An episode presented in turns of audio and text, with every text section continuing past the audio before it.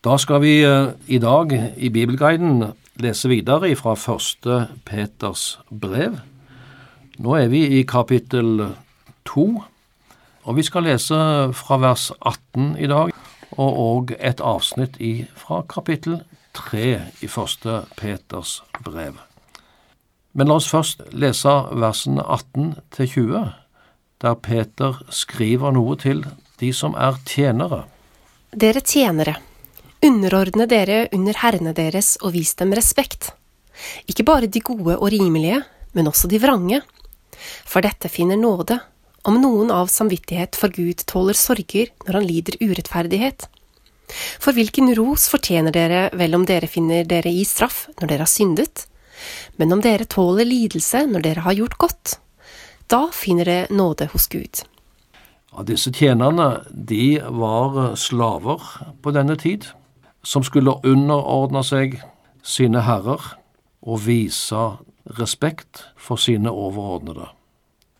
Og så står det faktisk ikke bare de gode, men også de vrange. Og så kan en jo spørre, betyr dette at Peter forsvarer slavehandel og slaveri, som var vanlig på denne tid? Det kan se slik ut.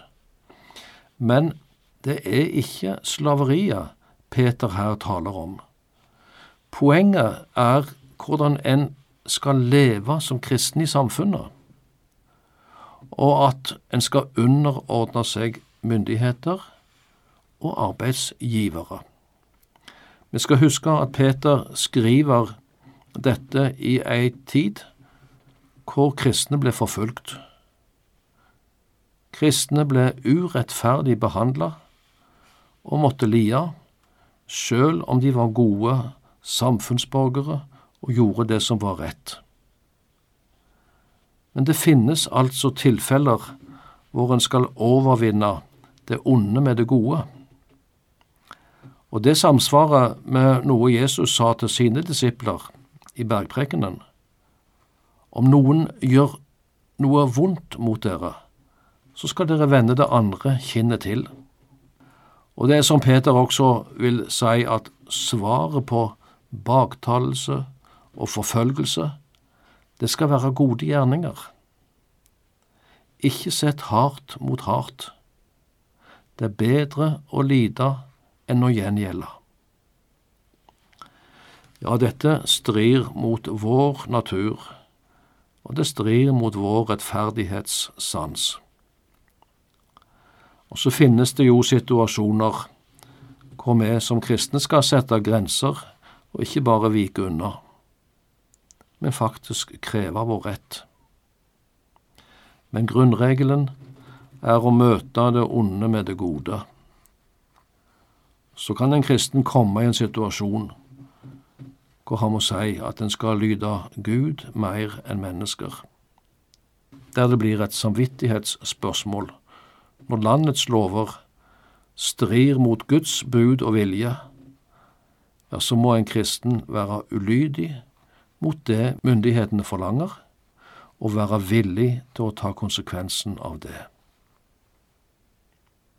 Men Peter sier klart at en kristen må være villig til å lie.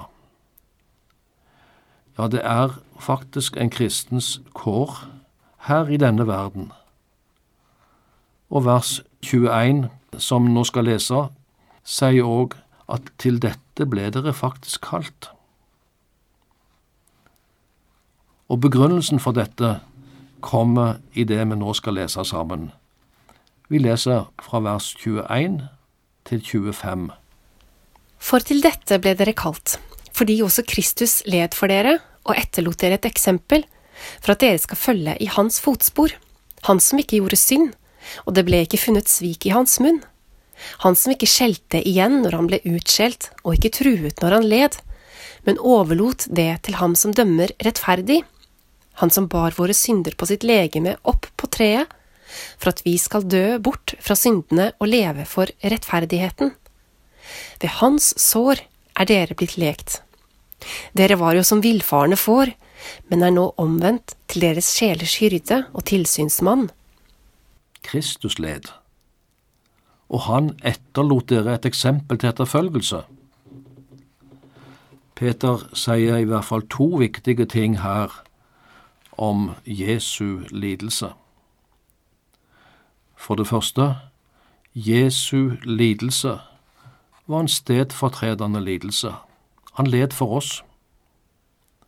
Vers 24 sier at han bar våre synder på sitt legeme opp på treet, altså på korset, hvor han døde for våre synder. Ved hans sår er dere blitt lekt. Vi hører Jesaja 53 her. For han er såret for våre overtredelser, knust for våre misgjerninger. Straffen ble lagt på han for at vi skulle få fred, og ved hans sår har vi fått legedom. Dette er ikke et eksempel til etterfølgelse for oss. Vi kan aldri bære straffen for syndene våre. Det kunne bare Jesus, Guds sønn.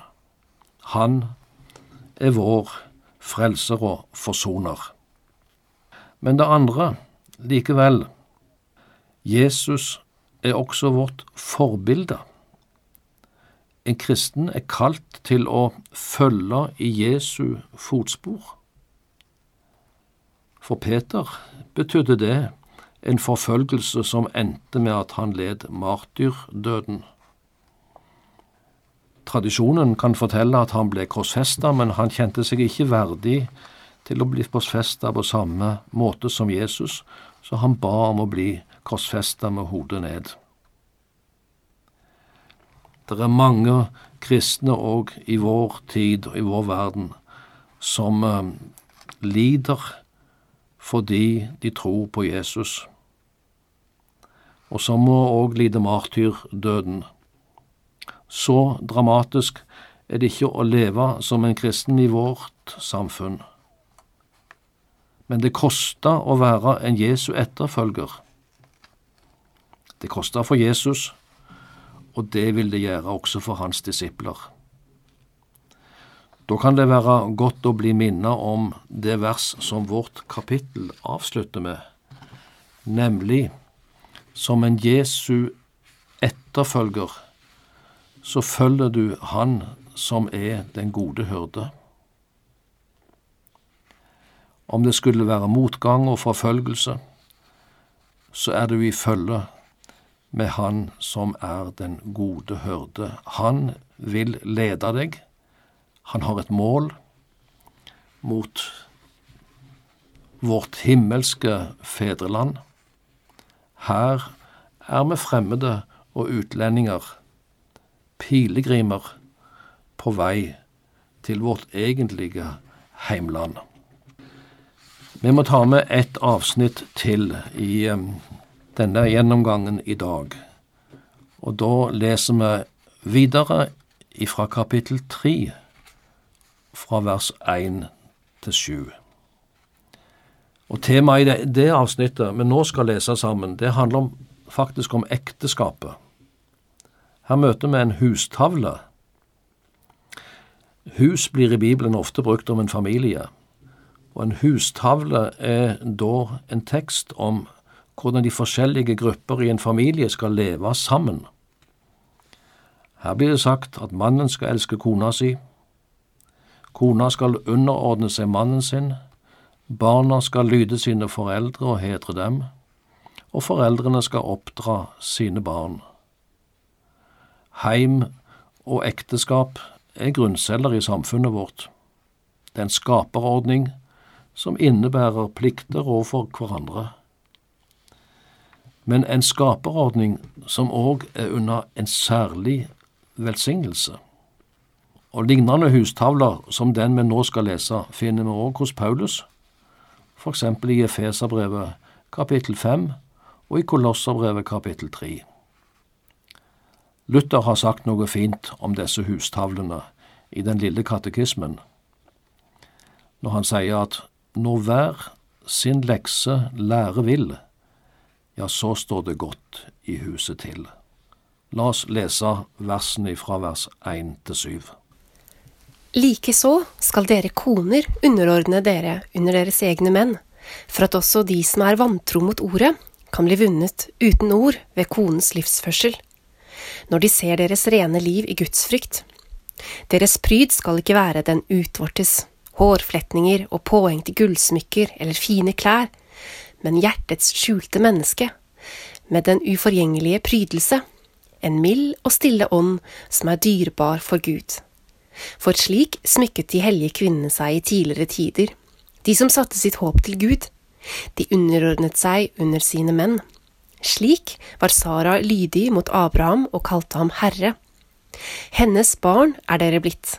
Om dere gjør det gode uten å la dere skremme av noe, så skal også dere ektemenn leve med forstand, sammen med deres koner, som det svakere kar, og vis dem ære, for også de er medarvinger til livets nåde, for at bønnene deres ikke skal hindres. Peter har først noen formaninger til, eh, til konene. I menighetene som Peter skriver til helt nordvest i Tyrkia, var det helt sikkert flere kvinner enn menn. Og mange av disse kvinnene hadde tydeligvis ikke kristne ektemenn. De omtales som de som er vantro mot ordet. Kanskje mange av disse kvinnene hadde blitt kristne etter at de gifta seg. Og så er spørsmålet hvordan skal kvinnene leve sammen med sine menn? Peter har følgende formaninger. De skal underordne seg sine egne menn, og de skal leve slik at deres menn om mulig kan bli vunnet for Kristus ved konens livsførsel uten at ord blir sagt. Det er et høyt ideal som her beskrives i disse versene. Rent liv, gudsfrykt, hjertets skjulte menneske, uforgjengelig prydelse, mild og stille ånd, vilje til å underordne seg og ikke la seg skremme. Det er indre kvaliteter en livsholdning som på en måte kommer innenifra. Og så skal vi merke oss at dette er skrevet til kvinnen i ekteskapet. Dette skal mannen holde seg borte ifra. Det er ikke skrevet til han, og det er ikke fint å lese andres brev. Men Peter har òg noe å si til mannen. Slik skal også dere ektemenn leve, leser vi i vers sju. Eh, og det kan høres litt underlig ut når Peter nettopp har sagt at kvinnen skal underordne seg sin mann. Skal mannen òg underordne seg, han som eh, på en måte er hodet og har den rollen? Men fra et kristent synspunkt så handler det her om å gå inn under Guds ordning og underordne seg Guds ordning som en tjener. Og i Efeserbrevet, hvis vi ser hustavla der, så gir Paulus mannen den oppgave å elske sin hustru slik som Kristus elsket menigheten og ga seg selv for den. Og her minner Peter om at mannens plikt er å vise kona si ære. Han skal leve med forstand sammen med sin kone som en likeverdig partner ære og elske. Begge disse ordene er med i vårt vigselsritual når spørsmålet lyder Vil du elske og ære den som hos deg står? Jeg rekker ikke å si så mye mer om dette viktige temaet her. Ekteskapet er under press i dag. Mange kristne ektepar sliter også i sine relasjoner og det er behov for god sjelesorg og veiledning til ektepar i alle aldre.